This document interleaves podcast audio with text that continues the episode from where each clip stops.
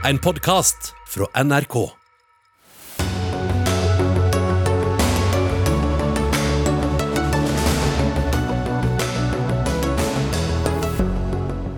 Skyt Freia, sier en biolog og gammel viltforvalter, og mener at på land ville det skjedd for lenge siden.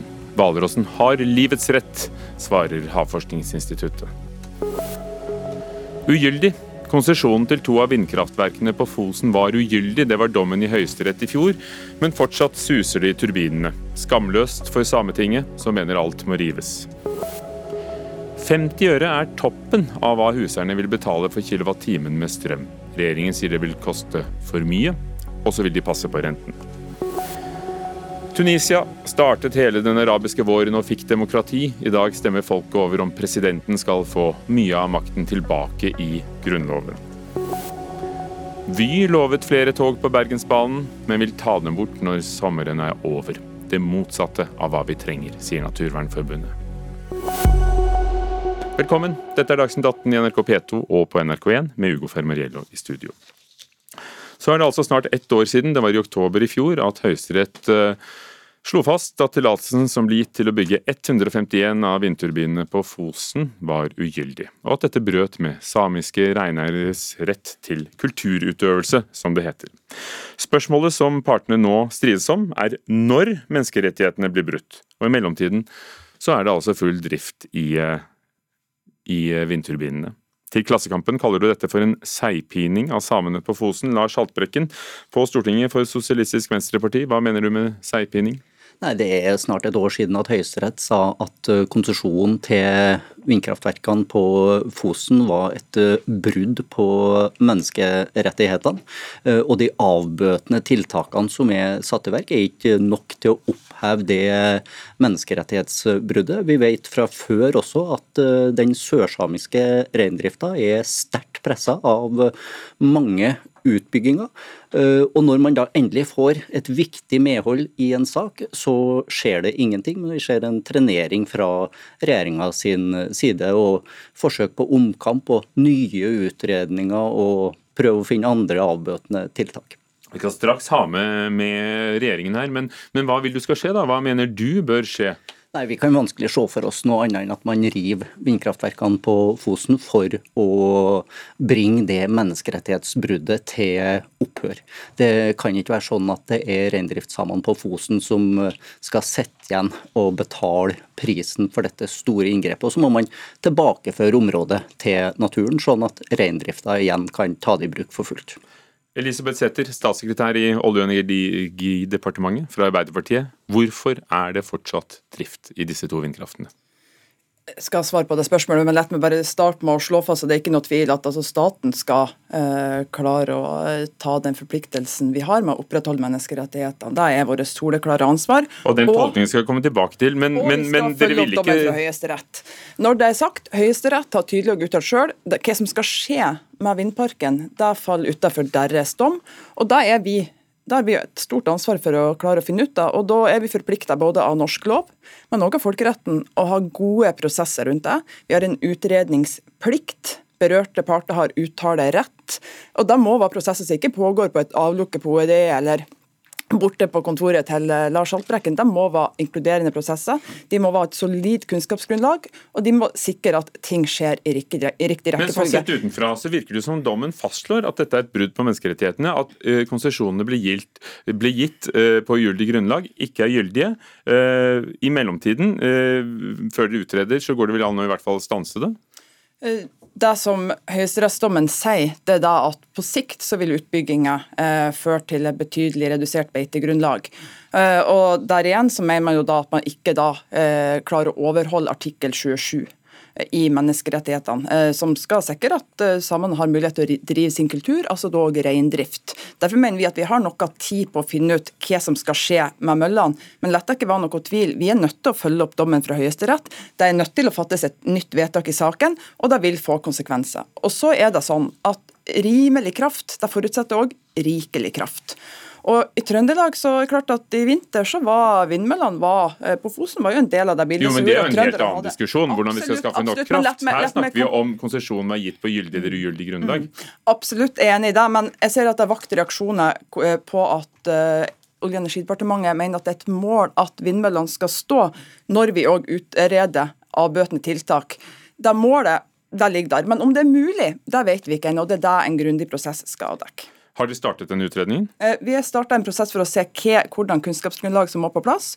Da har vi god dialog med utbyggerne, med de berørte reindriftsdistriktene på Fosen og med Sametinget. Ja da, vi er i gang. Runar Myrnes Balto, sametingsråd for eh, Norske Samers Riksforbund og fungerende sametingspresident. Eh, altså, regjeringen har satt i gang en grundig prosess for å se på avbøtende tiltak, for det er snakk om at på sikt mener regjeringen vil dette være et problem for, for samers menneskerettigheter og kulturøvelse. Da er det vel bare å vente og se?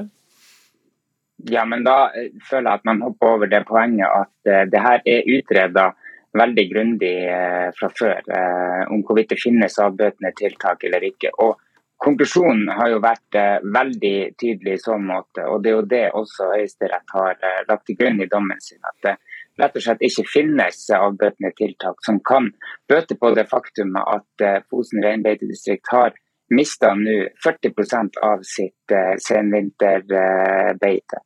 Og det må jeg si er, jeg syns er en, en skammelig eh, treneringsstrategi. Eh, rett og slett fra regjeringa sin side. For det virker litt som at man eh, forsøker å eh, I stedet for å ta konsekvensen av det faktum at man er dømt eh, av Høyesterett for å eh, ha gjort et ugyldig vedtak som bryter rettighetene til samene på Fosen, så forsøker man å utrede seg fram til at man ikke trenger å gjøre noe eh, som helst. Og Det syns jeg ikke er holdbart av regjeringa. Trenerer dere prosessen her for å holde gang i kraftproduksjonen? Nei, på ingen måte. Altså, Høyesterett har sagt at ja, de legger til grunn at tillatelsene er gyldige, men de har òg sagt tydelig at det faller utenfor deres eh, saksbehandling hva som skal skje med vindkraftverket. Det må vi nå finne ut av. Og klart, Ja, vi er forplikta av norsk lov, vi er forplikta av folkeretten til å ha en grundig prosess hvor partene blir hørt, hvor utredninger faktisk gjøres, som vi har et oppdatert kunnskapsgrunnlag, men ikke minst av hensyn til de partene som har stått i denne saken i ti år. Dere vet nok, sier sametingspresidenten. Vi har en plikt til å gjøre selvstendige utredninger på når vi skal fatte et nytt vedtak. Det er både generelt og i denne saken. Og det er òg for at det vedtaket vi gjør, det må stå seg over tid, så vi slipper nye år med lange prosesser som tærer på partene, ikke minst de berørte reindriftseierne. Ja, den norske stat har en ganske lang og veldig skamfull historie når det gjelder behandlinga av vårt eget uh, urfolk, uh, samene. Og når de nå da får gjennomslag i Høyesterett på at denne utbygginga var ugyldig, ja, da bør den norske stat sørge for å følge opp det ganske raskt. Og jeg spør meg, hvilke typer avbøtende tiltak er det regjeringa leter etter? Det er jo som sametingspresidenten sa, vært utreda en rekke tiltak. Ingen av dem er funnet god nok til eh, å oppheve eh, menneskerettighetsbruddet? Ser regjeringa etter andre arealer som reindrifta kan eh, holde på på? Hvor skal det i så fall være? Og så sitter jeg også med et spørsmål, og det hva om en av reindriftssamene på Fosen hadde reist et ulovlig byggverk i området. Blitt dømt i retten eh, for det ulovlige byggverket. Ville staten da ha grepet inn og sørga for eh, at vedkommende måtte fjerne? Ja, det tror jeg faktisk.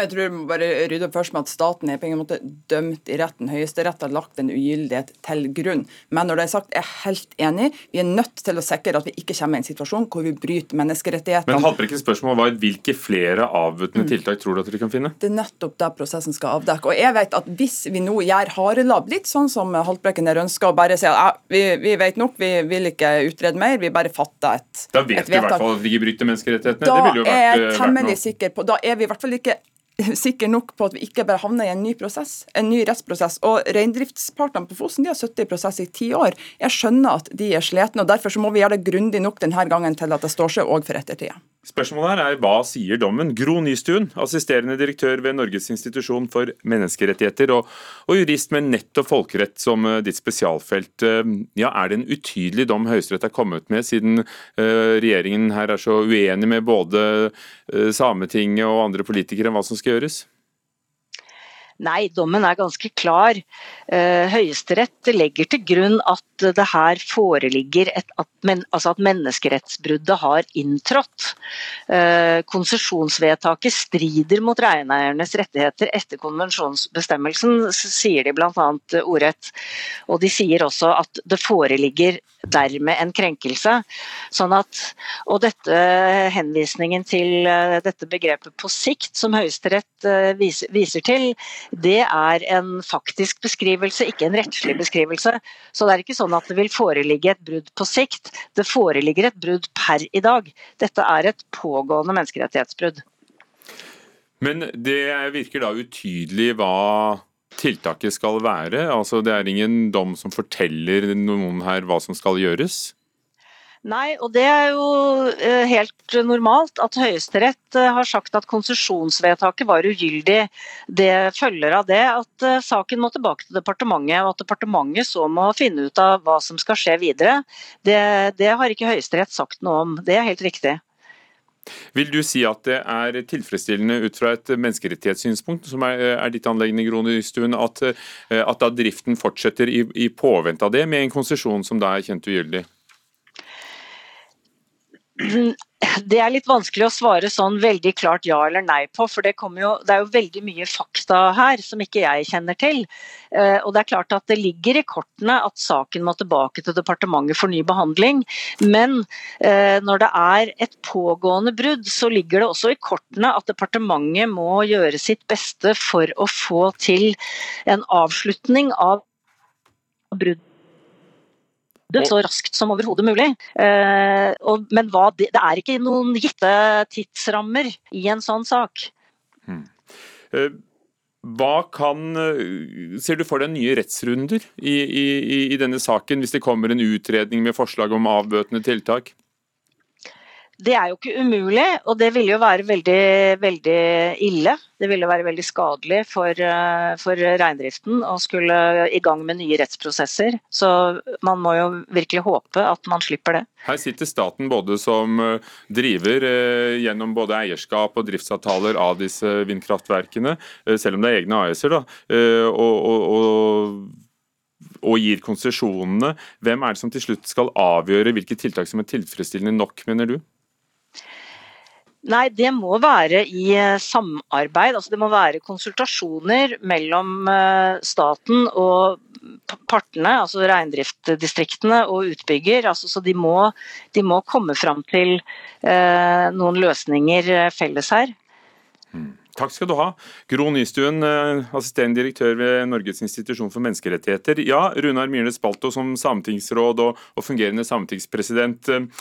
Har du tro på at eh, denne striden som har pågått i flere tiår, eh, vil avsluttes med et minnelig forlik og at det fortsatt er vindkraft, eller, eller vil dere ikke gi dere før vindparken er revet og det er gjort eh, tiltak for å tilbakeføre naturen? Vi fra Sametingets side hører jo på hva de berørte reindriftsinteressene sier i denne saken. Og For dem så har det jo vært veldig tydelig at det ikke er mulig å drive eh, reindrift eh, i området mens det vindkraftverket enda står. Så eh, jeg mener at eh, det er bare én ting å gjøre for staten i saken her, om man ønsker å komme ut av eh, saken med et snev av ære i behold. og Det er å rive ned eh, turbinene og gi reindriftssamene på Fosen ro og fred etter at de har stått i den kampen her i mange år. Jeg synes nesten at det, det, kan fremstå litt eh, skamløst og hjerterått eh, fra staten og å la dem fortsette i det uvisse, i, i det uendelige. At her må det en løsning på plass.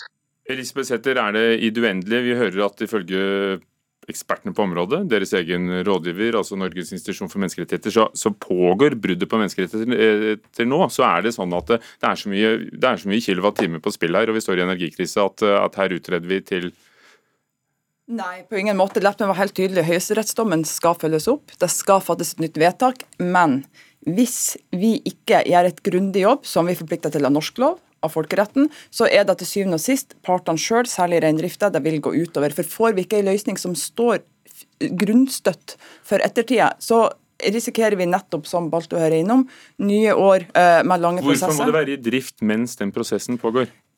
Vi ser ikke Hvis det er sånn at driften er ødeleggende. Dommen gir ikke noe plikt til å, eh, til å ha en midlertidig stans av vindkraftverket. Og I tillegg så må jeg understreke at høyesterettsdommen sier også helt tydelig at det er på sikt at beitegrunnlaget vil reduseres betydelig, så vi anser at vi har noe tid. Og den tida trenger vi. Men sier at menneskerettighetsbruddet er pågående. Jeg registrerer at vi har en annen tolkning enn en enn NIM i denne saken. og Det viktigste for Helle var å finne gode løsninger som står seg for ettertida, og det er vi allerede i gang med. Jeg tror dessverre at regjeringa her prøver å tolke seg bort ifra det Høyesterett eh, var ganske klokkeklar Men er det politikk eller jus, vil du si, Lars Haltbrekken? Det er klart at det er juss. Eh, Det er Høyesterett som har eh, sagt noe her. Og så prøver regjeringa å bruke politikk til å vri seg unna. Og hvem er det som lir av det? Jo, det er reindriftssamene. Dem som vant i Høyesterett. Jus eller politikk?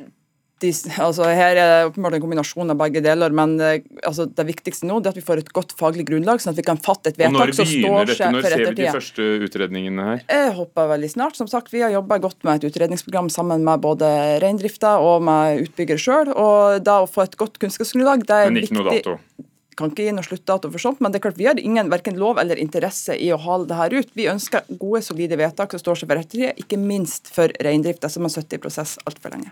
Og vi skal snakke om strømpriser senere i Dagsnytt 18. Alt henger sammen med det meste. Takk skal dere ha, alle sammen. Elisabeth Sæther, statssekretær, Olje- og energidepartementet fra Arbeiderpartiet. Lars Haltbrekken fra SV. Runar Myrnes Balto fra Norske Samers Riksforbund og fungerende sametingspresident. Og Gro Nystuen var også med oss.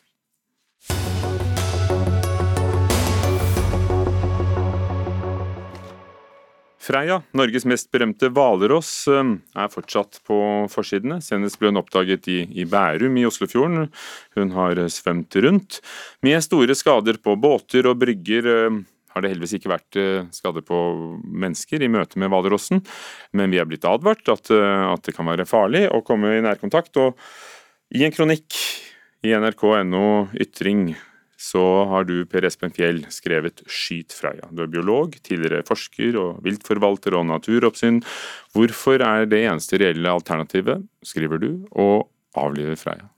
Det er nok ikke det eneste reelle alternativet. Eh, Hun kan godt få leve videre, men det har en kostnad. Eh, Det er egentlig interessant å se hvordan et sånt enkeltindivid får en sånn følelsesmessig sterk plass hos oss, eh, og det er bra.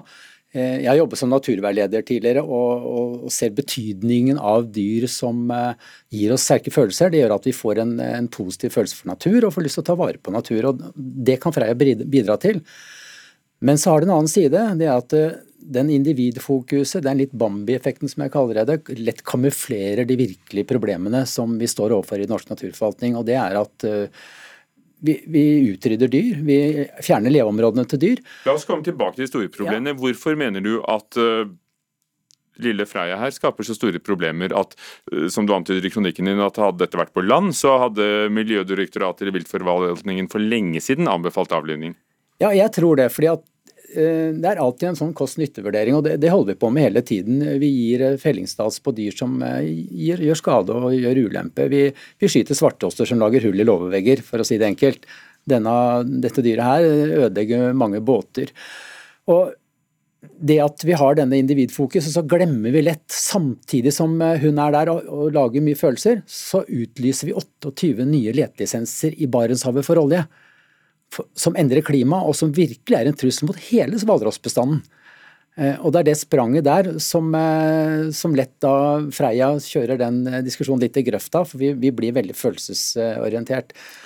Så, Men, men la oss høre da, med Havforskningsinstituttet. Katrine Albertine Ryeng, forsker og, og rådgiver for dyrevelferd hos sjøpattedyr.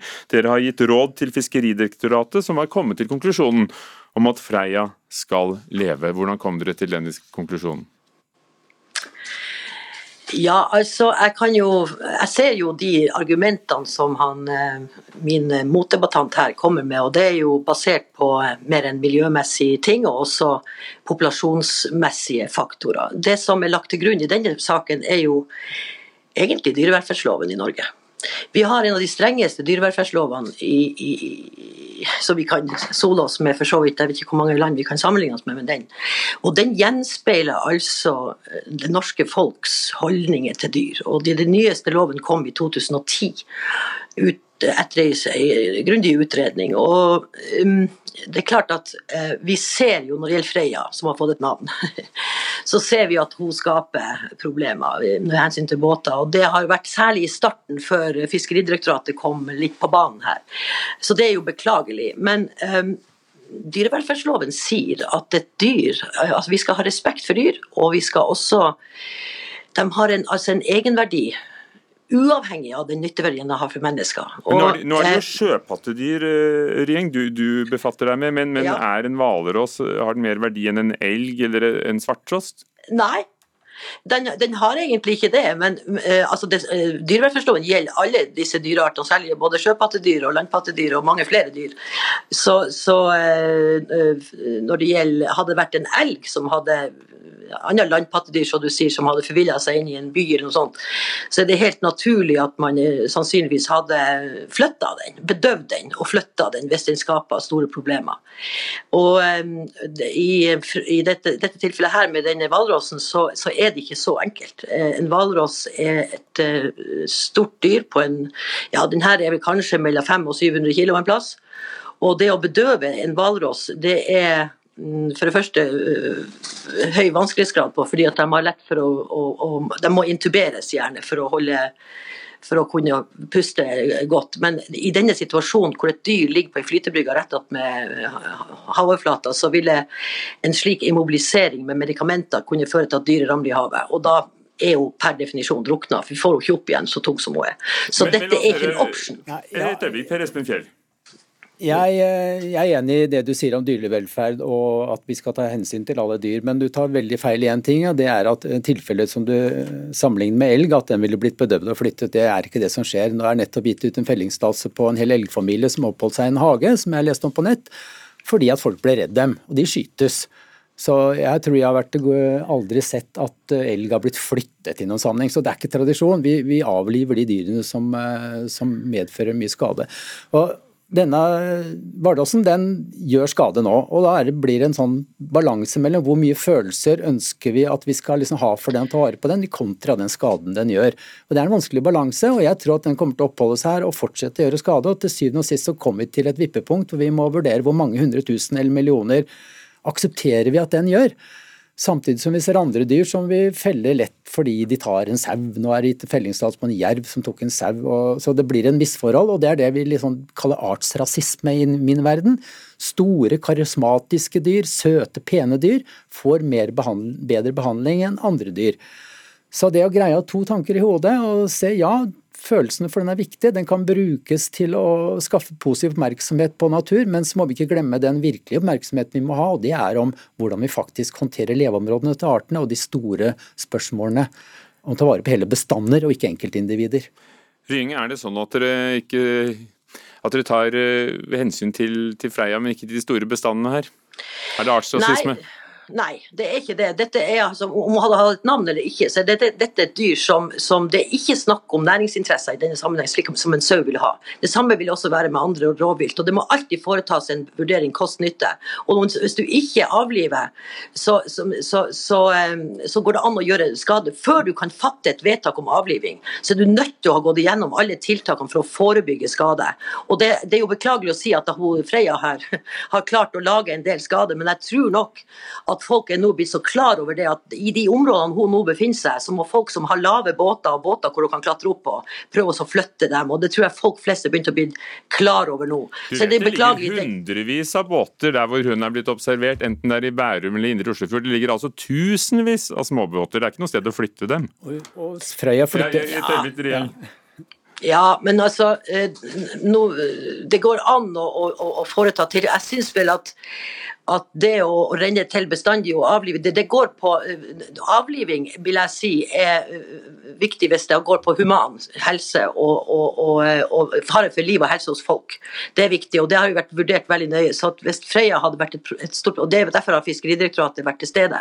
Hun er ikke farlig, og kan det være at dere på land burde lære noe av dem som driver med marinbiologi? At dere burde tatt mer hensyn til dyrevelferd og mindre til materiell skade hos mennesker? og låvedører og sånt? Nå har jeg jobbet ganske tett på hvalross og, og, arktiske dyr, og jeg kan ikke skrive under på at den ikke kan være farlig. Det kan den absolutt være. Men nå har han ikke vist noen sånne sterke tendenser det ennå, men det er gitt advarsler på det. Og det skal vi være oppmerksom på. Men Kan men det, denne Bambi-effekten som du uh, kaller det, være uh, en fordel da, for at vi får øynene opp for det du er opptatt av? At nettopp rundt Svalbard i Arktis så, så, er hvalrossbestanden truet av alt fra, fra, fra leting, uh, turisme og andre ting? Ja, absolutt. Så, så Noe av det er grunnen til at jeg går ut, er at jeg ønsker å flytte fokus litt fra dette enkeltindividet og den såkalte Bambi-effekten, og få folk til å se, det, se at hvalrossen den hører hjemme i arktiske områder. Der er vi i ferd med å forvalte dårlig pga. klimaendringer, utstrakt cruiseturisme osv. Så, videre. så det er der utfordringen for hvalrossen er. Eh, Men du den- syns fortsatt at man kunne avlivd ja, dette individet? Ja, For dette individet eh, påfører oss ganske mye ulemper, og har ingen som helst betydning for Vardåsbestanden. Det må vi erkjenne. Den har null betydning for utviklingen av Vardåsbestanden. Katrine. Albertine Ryeng har, tror du Freia har det godt der hun er blant fritidsbåter i, i fjerne farvann? For henne fjerne Ja. farvann? Ja, det tror jeg. Og, og du ser hun er smellfeit, så hun finner mat som bare det. Det, det som er saken her, er det at jeg, ikke, jeg har, jeg har ennå igjen å, å høre fra disse uh, hvalrossekspertene og andre årsaken til at hun Frøya er her. De sier enten er hun utstøtt fra flokken sin, eller så er hun, på, så er hun på feil, altså ute av kurs. Så hva gjør dere foreløpig? Bare jeg, Bare jeg tror hun er på næringsvandring, og, og jeg er ikke så sikker på Hun er jo ikke kjønnsmoden, hun var ikke det travelt med å komme seg tilbake og pare seg, men hun kan ha betydning for bestanden. Og jeg er helt enig med min motdebattant her at, at det er klart klimaendringene er et problem, og det går absolutt eh, Det kan hende, vi vet ikke det, det er ingen som har kunnet forklart det. Det kan godt hende at den økninga vi ser, for det tror jeg vi ser, en liten økning av hvalross langs eh, I Norge har vi hatt tre hittil i år, tror jeg. Og, og, så da kan det hende at, at eh, rett og slett at at de klimaendringene fører til økt matkonkurranse og- økende populasjoner på Svalbard. og Det er ikke sikkert at denne forresten kommer fra Svalbard, og kan like godt være fra russisk eh, sørøstlige del av Barentshavet. Så, så det kan være matmangel, det kan være mange ting som gjør at enkeltindivider Og det ypperlige er jo det at hvis hun finner mye mat her, så vil hun kunne ha en helt annen eh, kroppskondisjon for å komme seg tilbake igjen. Og til og med kunne føre arten videre, selv om hun er ett individ. Så men den, den gidder ikke jeg å gå inn på. Det jeg går inn på, det er kost-nytte mot human helse, human sikkerhet og andre dyr og skade. Og skade er beklagelig, men tror vi kanskje kan si at det i hvert fall ikke er skade på andre, annen manns næringsvirksomhet. Katrine kan si. Albertine Rieng, Ja. takk skal du ha. Du tror ikke Per har Espen ingen- at hun kan komme tilbake og pare seg og, og skape noen nye hvalrosser? Nei, det tror jeg ikke. Om hun gjør det, så vil hun ikke ha noen betydning for bestanden. Hun er én av mange tusen, så at hun betyr noe for framtidig hvalrossbestand, enten hun svømmer hjem eller ikke, absolutt null verdi. Takk. ja, da- er Per er Espen sånn- Fjell, og takk Katrine Albertine Rieng. Det, vi, vi må stoppe der, vi. Du er altså rådgiver for, hos Havforskningsinstituttet, og Fjell har skrevet denne kronikken på nrk.no Ytring.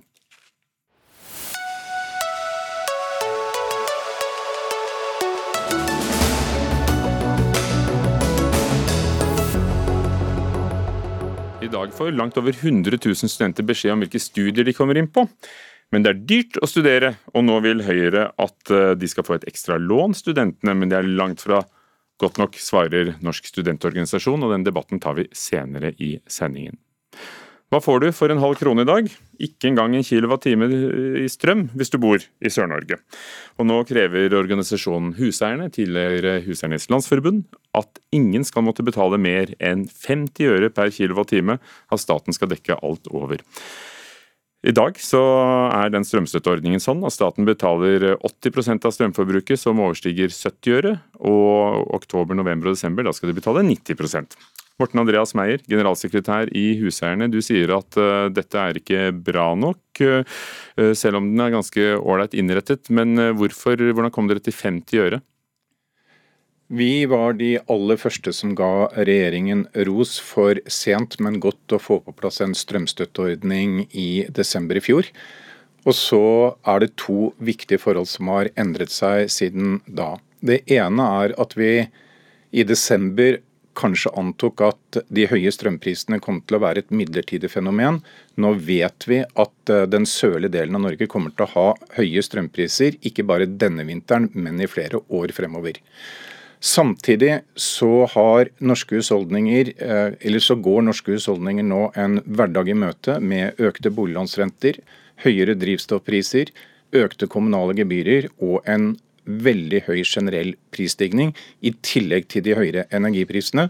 Og da tror vi, ikke bare tror, men da mener vi bestemt at tiden er inne for at eh, staten bidrar med en betydelig bedre strømstøtte og betaler tilbake mer til forbrukerne av den ekstrakostnaden forbrukerne betaler inn til offentlig eide strømselskaper Så en og til statskassa. altså? En omfordeling Ja, i dine øyne?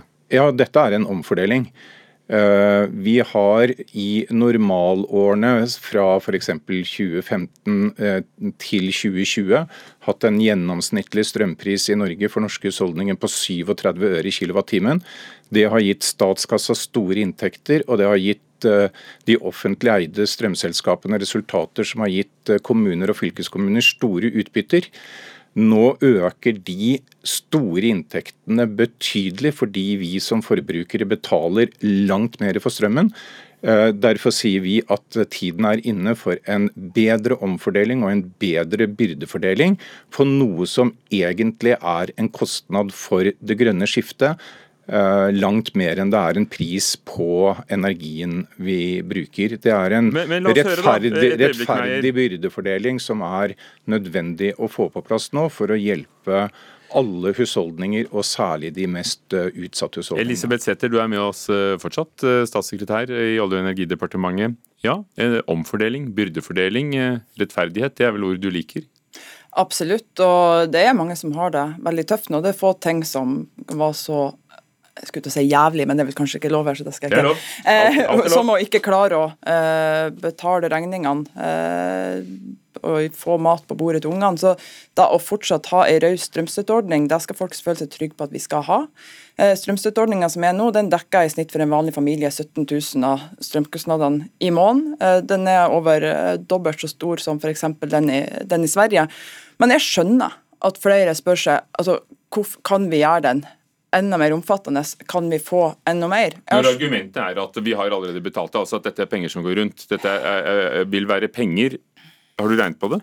Eh, Det Jeg regner på det, men jeg sitter ikke med de tallene i hodet, så jeg tør ikke heller å eh, Jeg tror ikke det er klokt å drive og og gjette, som man sier. Men eh, det er klart, ja, vi er heldige i Norge med at kraftbransjen i stor grad er offentlig eid. og Overskuddet der det går inn i kommunekasser, i statskasser og brukes i stor grad på offentlig velferd. Men om lag 30 milliarder eh, nå det her tida med de høye strømprisene i Sør-Norge, de brukes på folk i Sør-Norge, på fri, eh, fritidsaktiviteter, kulturtilbud, landbruk i Sør-Norge, for å hjelpe til i denne situasjonen som er. og Folk skal føle seg trygge på at det vil vi fortsette med. Men det er òg en annen utgift på budsjettet som vi er veldig redd for skal øke fremover, og det er rentenivået.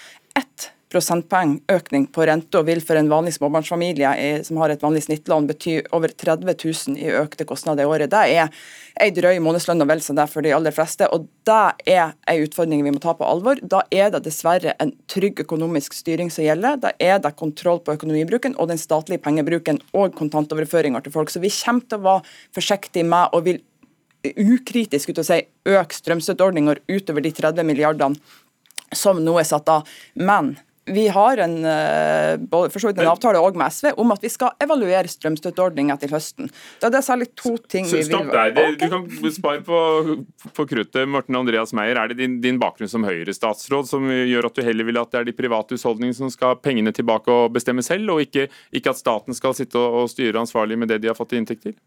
Nei, eh, dette har overhodet ikke noe med min politiske bakgrunn å gjøre. Dette har noe med at jeg skal ivareta interessene for 2,5 million norske husholdninger som går en, både en tøff høst og noen tøffe år i møte. Og når statssekretæren benytter, eller bruker ordet raus strømstøtteordning, så er jo det noe av det folk flest har litt utfordringer med å forstå. fordi at fortsatt så er det slik at med med dagens strømstøtteordning og også med vårt forslag, så vil staten og offentlig eide selskaper ha betydelig større inntekter fra ditt og mitt strømforbruk enn det vi har hatt i normalårene som ligger bak oss. Så eh, litt sånn røft sagt så betaler vi ti kroner mer. Eh, staten gir oss tilbake åtte, og oppfatter dette som en raus ordning. Vi tror det er helt nødvendig å få vi, vi skal alle sammen være, på, være med på en stor klimadugnad. Eh, noe av det viktigste husholdningene kan bidra med, er en omlegging av energiforbruket vårt. Da er det viktig at vi ikke opplever at folk flest sitter igjen med en større regning for å være med på den klimadugnaden.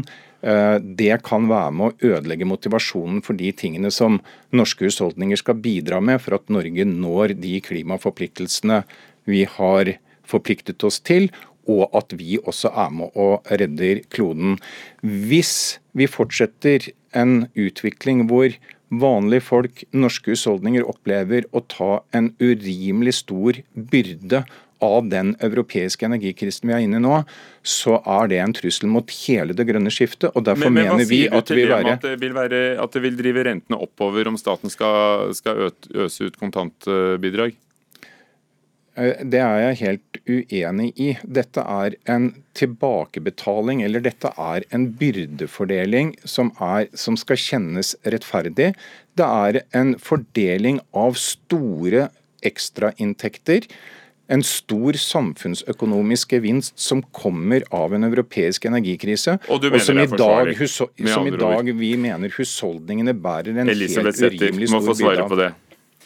Ja, nei, det, det, er sånn, det er den helhetlige vurderingen vi som regjering har ansvar for å gjøre. og Det er, ikke, eh, det er, altså, det er å ta hensyn til det inflasjonspresset som er nå.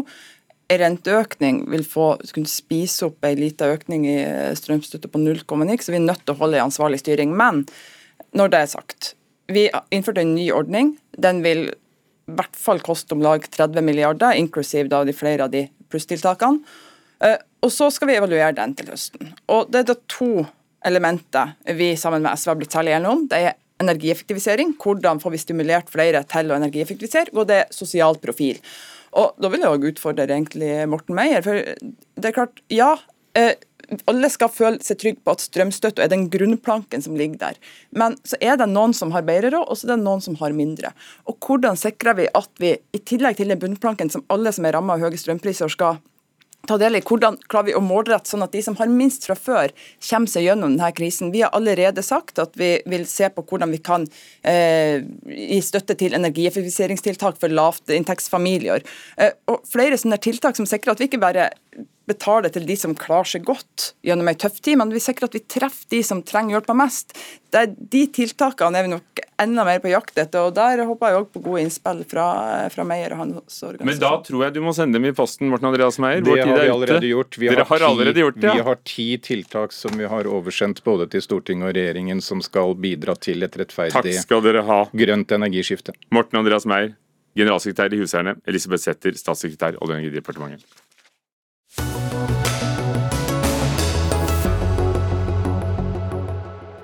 Det var i Tunisia det begynte, den arabiske våren. Året var 2011. Og så sto Tunisia igjen som suksesshistorien med et uh, demokrati. Uh, og etter det siste året har president Kais uh, Sayed strammet grepet, og for å få mer og mer makt selv.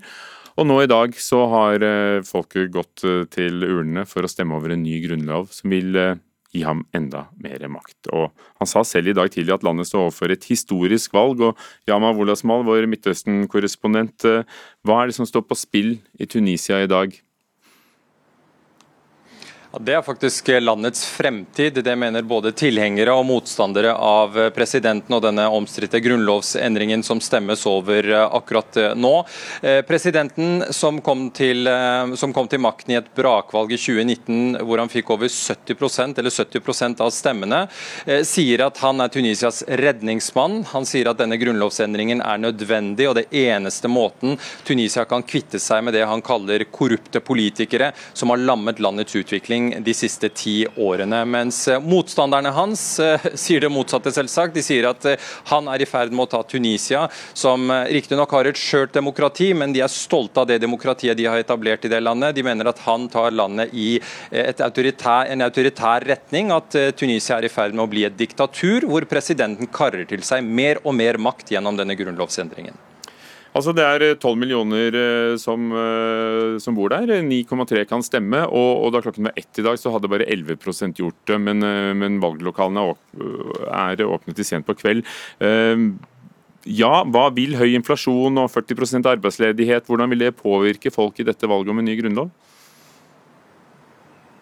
Altså, Al Jazeera melder om at det er langt flere mennesker på strendene i Tunis eh, i dag enn det er i valglokalene. Det er eh, foreløpig lav valgdeltakelse under eh, denne folkeavstemningen. Men situasjonen, de sosiale forholdene i Tunisia har gått fra vondt til verre de siste ti årene. Inflasjonen er høy. Hver femte arbeidstaker sitter uten jobb, for folk mangler jobb. Prisene har skutt i været. Turistnæringen, hvor hundretusener av tunisiere fikk leve levebrødet sitt, eh, fikk seg en alvorlig knekk under pandemien. Det var bråstopp, plutselig tørket milliardene fra turistindustrien eh, opp. Eh, så den sosiale situasjonen har vært ganske ille, og det var en av grunnene til at man så protester og demonstrasjoner for et par år siden som banet vei for at president Kais til slutt kom til makten. Hva vil Grunnloven innebære, hvis den, hvis den blir noe av den som han har foreslått i dag? Altså Først og fremst så vil det innebære at presidentskapet blir den mektigste grenen i maktfordelingen i eh, Tunisia. Presidenten vil f.eks. kunne sitte to femårsperioder, men hvis han eller hun eh, føler at landet står overfor en akutt fare, så kan han sitte enda lenger. Han får myndighet over både regjeringen og domstolene. Han får lov til å utnevne dommere. Det skaper sterke reaksjoner, for Tunisia har til nå hatt et eh, noenlunde uavhengig domstolsystem. Det blir historie med denne grunnlovsendringen. Tilhengerne til presidenten mener at disse endringene er nødvendig for at Tunisia skal komme på fote igjen både sosialt og økonomisk. At presidentens grep her gjør beslutningstakingen, den politiske beslutningstakingen mer effektiv effektiv. For det tunisiere har sett seg lei på, i hvert fall presidentens tilhengere, er at parlamentet har vært fastlåst over viktige beslutninger. Man har ikke kunnet ta beslutning som har ført til større lidelser i samfunnet for vanlige tunisiere. Så Derfor eh, har han bred støtte blant sine støttespillere for å få gjennom denne grunnlovsendringen. Takk skal du ha, Yama Wolasmal, med oss fra Beirut, vår Midtøsten-korrespondent. En som eh, var der i de første årene etter den arabiske våren, er Joakim Nahem, direktør i dag i rådgivningsselskapet Position Green, tidligere rådgiver for FN da i Tunisia. Hadde du trodd uh, at det skulle havne der vi er i dag, da du kom dit i 2011? Nei, det har nok vært en litt annen vei, både frem til nå, men også tidligere. Um, Tunisia har jo hatt en unik evne siden 2011 å finne veien tilbake til denne demokrati utviklingen, og har på en måte vært et slags fyrtårn både i regionen og fra den arabiske vår, som har fått til det de andre landene ikke har fått til. Men som det blir påpekt her i eh, reportasjen, så er det jo sånn at den jevne tuniser har nok ikke sett de store forskjellene. Og det er jo der skoen trykker. Altså sosialt, økonomisk. Og da foregår jo denne demokratidebatten som en litt mer sånn akademisk diskusjon, og noe som ikke har en påvirkning, iallfall ikke en positiv påvirkning for den jevne tunisere. Så Sånn sett er det nok ikke så overraskende at eh, det er støtte til en president som ønsker å ta grep og sier at nå må vi få ting på plass, og vi må eh, endre dette systemet som har vært ganske dysfunksjonelt frem til nå. For det, virket ikke så godt etter 2011, eh, altså. Hva, hva skjedde, var gikk galt? Altså, dette har jo vært et stort demokratieksperiment. Tunisia har jo ikke hatt en demokratisk styring på denne måten her. Så man gjorde på en måte alt riktig i forhold til å ha en grunnlov, og ha skille mellom statsmakt og utøvende makt, og lagde da dette parlamentet, som skulle på en måte være den mektigste delen av Tunisia. og Det har jo sammenheng med at uh, de har hatt autoritære ledere før. Uh, og Dermed så stolte man ikke på å ha en sterk president, uh, og da lagde et sterkere system som var basert på at parlamentet skulle ha makten. Men som det blir sagt, så har ikke det fungert godt. Man har hatt over tolv statsministre i Tunisia siden 2011. Byttet ut regjeringer hele tiden. Det har vært ekstremt kaotisk og dysfunksjonelt, og folk har mistet troen på politikere. Um, man, ja. Man skal huske at denne presidenten her, han kom jo da ikke fra eliten. Han er egentlig ikke en politiker. Han er faktisk en jusprofessor som stilte til eh, presidentvalget, var helt ukjent og vant, nettopp fordi han kom fra utsiden. Ble sett på som av høy integritet, ikke korrupt, har ingen bagasje politisk sett. Eh, og denne profilen passet nok Tunisia ganske godt, at det var liksom en mann av folket, som nå har da sett seg litt lei på at dette systemet er totalt dysfunksjonelt. Kais, eh, Sayed, eh, ja, hvordan rimer det han gjør nå da med Grunnloven, med, med, de idealene han gikk til valg på? Altså mot korrupsjon, åpenhet? Eh? Det er jo problematisk, denne måten det blir gjort på, i forhold til at du ser nå det er første lav valgdeltakelse, så man kan stille seg spørsmålstegn rundt legitimiteten ved denne ganske drastiske grunnlovsendringen. Samtidig så sier jo presidenten at man endrer jo ikke fundamentet på menneskerettigheter og friheter her. Det man egentlig gjør, er jo en eh, omfordeling av makten, men at grunntanken i Eh, Grunnloven, med at du har eh, friheter til eh, tunisere, altså at du har menneskerettigheter som er veldig godt ivaretatt, det endrer seg ikke. Så dette er egentlig bare et politisk system. Som du ser det, Har han rett? Ja, altså Disse endringene som foreslås, er jo mer hvordan makten skal utøves. Det er jo ikke noen endringer i menneskerettighetene som den jevne tuniser har, men det er klart at kontroll over makten han kommer til å utøve, den er svekket. og Det er jo alltid farlig i et demokrati. Takk skal du ha. Joakim Nahem, direktør i Position Green og tidligere rådgiver i, i nettopp Tunisia for FN.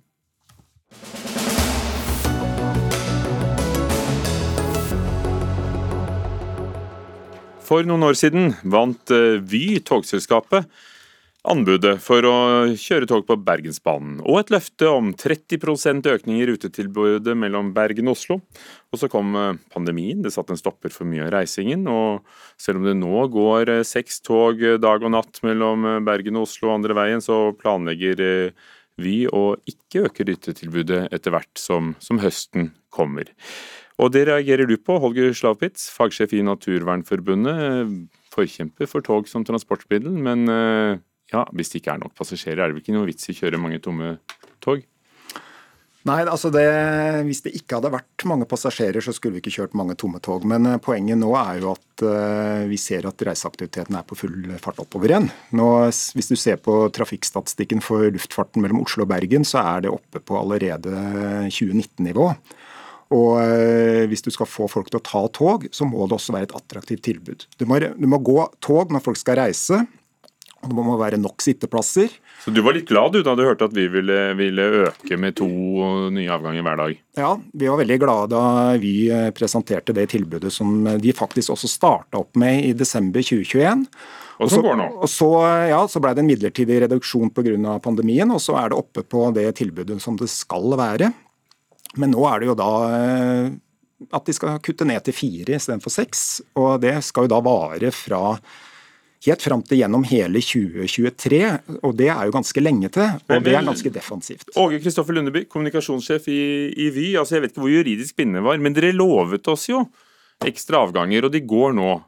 Mm. Og, og, og, jeg tittet, er, Noen steder er det utsolgte avganger, noen steder er det bare fullprisbilletter igjen. Det tyder da på at folk liker det. Er det ikke bare å sette i gang og fortsette? Om sommeren er det bra med reisende. Eh, og så er det slik at uh, første halvår i år så hadde vi 30% reduksjon i forhold til 2019. Det var fortsatt pandemi på gang og anbefalinger om å være forsiktig og sånn? Jo, men, men allikevel. Altså vi, vi, ser at det er uh, markant fall i reiseaktiviteten. Og så har vi satset i sommer, og vi ønsker jo å satse videre også. Men det vi har fått til sammen med Jernbanedirektoratet, er en fleksibilitet, slik at vi kan trekke ned virksomheten, slik at vi ikke kjører tomme seter over fjellet. For det koster penger? Det koster mye penger, og ikke er det spesielt mye miljøvennlig heller. Ja, altså Det tar jo litt tid å innarbeide et tilbud. Det er ikke sånn at eh, når jernbanen skal satse, så kommer de passasjerene med en gang. For det første, Vi ser at det er mange som reiser nå. Eh, og, det er midt på sommeren, da. Ja, det er midt på sommeren. Men eh, når flytrafikken også allerede i april var oppe på 2019-nivå, så tror jeg at vi i løpet av 2023 kommer til å se en mer normal tilstand på jernbanen. Og det at jernbanen da skal ligge nede og ikke ikke komme opp på det tilbudet det skulle vært. Men miljøargumentet, hva sier du til det? Kjøre ja, tomme tog? Ja, altså, du, du, vil alltid få en overgangsfase hvor det vil være litt ledig kapasitet. Og, og, det er også positivt. Det gir gjerne litt billigere billetter, for prisene prises jo etter etterspørselen. Så det vil trekke til seg folk. Folk kommer til toget når tilbudet er der. Det vi ser, er at uh, markedet ikke er på plass ennå. Det er slik at vi er avhengig av eh, mange turister, eh, både fra Europa og USA, men også fra eh, Asia. Og det er spesielt Asia vi ser at svikter enn så lenge. Og så har vi god tro på at vi har et godt tilbud og et attraktivt produkt for både norske, europeiske, amerikanske og asiatiske innbyggere. Men, men, men Lundeby, er det ikke sånn at, som Slavi sier, at at når tilbudet er godt nok, så vil folk strømme. Og når du ser at det er mange vogner, det er mange som snakker om det, det blir rimelige billetter fra god kapasitet, og plutselig så er det utsolgt. Det, det er eh, både gass- og bremsvirkning her. For det med miljøargumentet, eh, det tar ikke så mye strøm å kjøre tog over Men det er, det er, eh, er bra med, med energi som brukes til det også. Men så lenge vi har eh, bra belegg, så er det mye bedre enn eh, med annen transport. Mette Gundersen, statssekretær i Samferdselsdepartementet fra Arbeiderpartiet. Ja, regjeringen har sagt, eh, også på papir i Hurdalsplattformen, at dere vil ha en offensiv jernbanepolitikk. Er dere fornøyd med, med det Vy sier? De har, de har betalt 2,2 milliarder kroner for å kjøre tog på Bergensbanen i litt over ti år.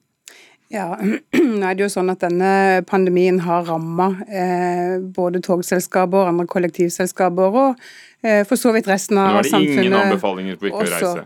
Nei, men det er klart at vi har jo en forståelse for at eh, altså det å bygge seg opp et eh, visst passasjergrunnlag tar tid.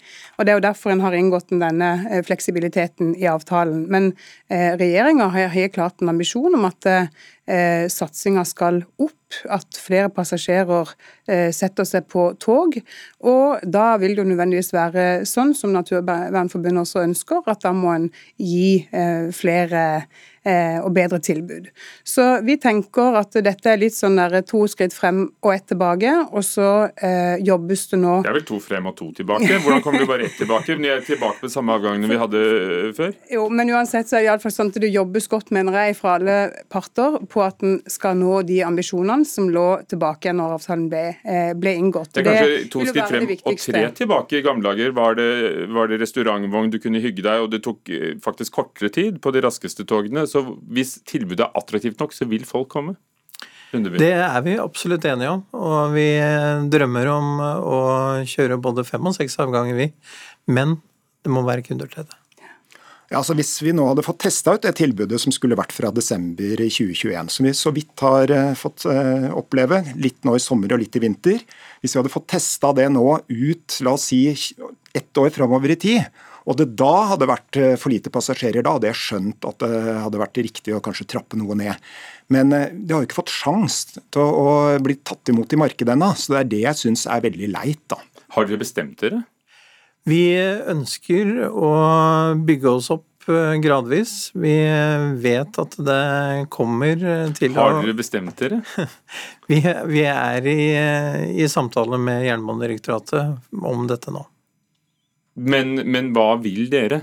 Altså, for, Nå ligger det billetter i vi desember til seks avganger om dagen. De ligger der med et lite sånn forbehold. Så, så dere har jo meldt dem inn da på ruteplanen. La det være helt klart at vi ønsker å kjøre mest mulig tog, men vi trenger passasjerer til det.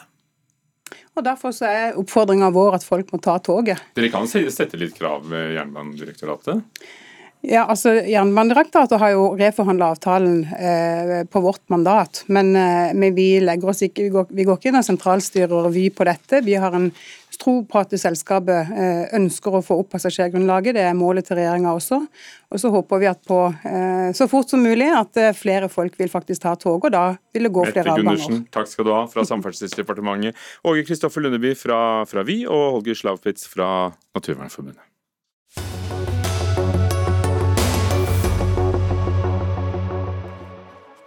Passasjerene er kanskje ikke alle tilbake, men studentene er tilbake på nivået før pandemien, og det er altså lavere. Eh, I dag kom tallene fra Samordna opptak, 12,5 eh, færre studenter eh, fordi vi er tilbake til nivået før pandemien. Men i hvert fall, i dag fikk eh, 62 500 studieplasser bli fordelt i dag.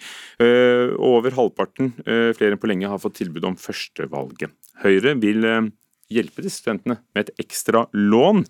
VG skriver 40 000 mer ekstra for å bøte på av den høye inflasjonen, at alt er dyrt. Eh, En kortsiktig løsning, sier Norsk studentorganisasjon. Maika Godal eh, Dam, eh, hva er galt med forslaget om 40 000 ekstra? Så først vil jeg si at Det er veldig fint å se at uh, Høyre anerkjenner at uh, studentene har en uh, sårbar økonomisk situasjon. Men vi mener at løsningen ikke er å tilby et tilleggslån, men å øke den generelle studiestøtten. Vi er nødt til å ikke bare lege symptomet, men ta hele sykdommen ved rota. Og da er det den ordinære studiestøtten som studentene lenge har ropt om at må økes. Erlend Eikeland Uthaug, leder i Høyre Studenter. Eh, dere foreslo dette, men altså ikke nok. Hvorfor ikke gå til roten av problemet? Økt stipend? Altså, det er jo Problemet med å skulle ha et økt stipend er jo det at det krever en ganske lang prosess for å i det hele tatt få gjennomslag for det. Du ser jo Med de åtte årene vi satt i regjeringen til Solberg-regjeringen, så gikk jo det greit. Vi fikk jo en økning på det, og vi fikk elleve måneders studiestøtte, som for min del og for mine medstudenters del var helt kritisk for å kunne få det til. da. Problemet er jo det at nå ser vi jo, sant, nå har vi jo en massiv økning av både strømprisene, leieprisene og overalt for alle studentene som er gjennomgående. og Da trenger vi et frivillig lån, som er forslag som er for de studentene som trenger det, som har praksisplass, som ikke har muligheten til å ha deltidsjobb, sånn at vi får lånet og får det til å gå rundt nå. Og så kan man se på å øke, fordi vi er jo begge enige, både NSO og Høyre-studenter, på at vi trenger et høyere eh, studentstipend. Men at altså, det mener Høyre også, så i hvert fall ja, ja, Høyres studenter? Ja, vi mener jo det også. Vi har jobbet hardt mot Høyre for å få det til. Men det er jo det at nå trenger de et frivillig lån nå for å kunne håndtere den krisen de er i. Og det kan man gjøre sånn, fordi det er mulighet til å kunne gi et lån. Det kan du ikke gjøre med et stipend. En pragmatisk løsning for å løse en krise. og så nå mener jeg ikke at det eh, er en løsning som bare kan gjøres sånn. Det er noe som må komme over statsbudsjettet. Og vi mener at man må ta eh, problemet ved rota. Det er ikke urealistisk, mener vi, å se for seg å få økt studiestøtta hvis man legger en plan som eh, trapper opp studiestøtta over flere år. Men det er jo å, å legge en plan trappe Altså, I dag kommer beskjeden i innboksen til 120 eh, 000 studenter om, om, om hvor de kommer inn. Og da, Det er jo nå de trenger det. Vi ønsker ikke å redusere ambisjonsnivået vårt på vegne av norske studenter. Det er en tilbakemelding vi får år på år på år fra våre studenter, og det er at den løsningen som må til, det er å øke studiestøtta og knytte den til grunnbeløpet i folketrygden. Kun på den måten får vi til en justering hvert eneste år som bidrar til at eh, vi eh, gir studentene et løft, og at man får økt kjøpekraft i takt med den generelle prisvekten i samfunnet. Fordi dette grunnbeløpet blir eh, regulert? Grunnbeløpet i folketrygden blir Yes, den blir ja, hva med, hva med, å gjøre det på den måten isteden? Hytte til G-en i folketrygd, øh, folketrygden? Ja, altså sånn, det Problemet nå er nå står vi i situasjonen der med, flere av mine medstudenter har altså Vi sliter allerede med å betale. Det er flere som allerede er på kredittgjeld. Det er flere som allerede tar opp forbrukslån for i det hele tatt få råd til å være student, fordi de har ikke muligheten til å ha deltidsstilling. Og Derfor syns jeg det er litt merkelig at NSO er mot at vi skal ha et frivillig lån som for de studentene som sliter mest. som da, Vennene mine går jo da og har et forbrukslån istedenfor å gå til Lånekassen. Og Lånekassen har den beste renten, de har det beste systemet, og det tillater da også at flere kan komme inn. da. Vi syns jo det er merkelig at Høyre ikke vil være med oss på løsningen om å innføre 1,5 G til alle studenter i Norge. Vi har for løsninger som treffer alle likt, og vi ser at å øke den... Vil du være med på den løsningen? Altså, vi vil, jo, vi vil, jo øke studiestøtten, det har vi alltid villet. og vi, Det er jo under altså, den tidligere regjeringen at vi klarte å øke studiestøtten. Nå er det jo Støre-regjeringen som sier nei, og Høyre som sier her har vi en løsning for studentene som her raskt kan komme på plass for de nå. og som Du sa det, uh, Allerede i fjor så kom dere til i en egen undersøkelse i studentorganisasjonen at, at 4 tok opp uh, kredittkortgjeld, forbrukslån, kortsiktig for å, uh, for å klare seg. Hva med å, å ha to tanker i hodet samtidig? Vi er som sagt ikke for å senke ambisjonsnivået. Så ser vi også at et eh, frivillig tilleggslån slår negativt ut for studenter med lav sosioøkonomisk bakgrunn. Men Er det eh, bedre å ta opp kredittkortgjeld, da? Det er, det er det selvfølgelig ikke, men vi er nødt til å tenke langsiktig. Vi er nødt til å finne løsninger som står seg over tid. Og da er løsningen, som studentene har presentert år på år på år, å øke den generelle studiestøtten. Men det her er også hvor Høyres studenter på en måte har kommet inn. fordi det her er en fleksibel løsning som vi har slåss for i Høyre, i hvert fall, at vi skal kunne få. fordi det gjør at det er flere av de som på en måte trenger det, har muligheten til å kunne ta det fleksible lånet, sånn at du slipper å gå på gjeld og slipper å måtte ta kredittkortgjeld. Og da løse situasjonen nå, mens vi jobber for å få økt studiestøtte, og mens vi jobber for å da også få økt stipend. Og det her er en situasjon... Vi tenker på kort sikt, vi, i Dagsnytt 18. Så ja. vi må si takk for nå. Ja, virkelig. Men uh, du gir ikke opp, altså, den lange sikt? Nei, på den lange sikten så skal vi få det til, men vi trenger en løsning også for studentene som sliter med å betale gjelden nå. Erlend Eikeland Uthaug, leder i Høyre Studenter, og Maika Godal Dam, leder i NSO. Takk skal dere ha. Synnøve Vereide Trampe var ansvarlig for Dagsnytt 18. Lisbeth Sellereite hadde teknisk ansvaret, programleder Ugo Fermarello. Du har hørt en podkast fra NRK. Hør flere podkaster og din favorittkanal i appen NRK Radio.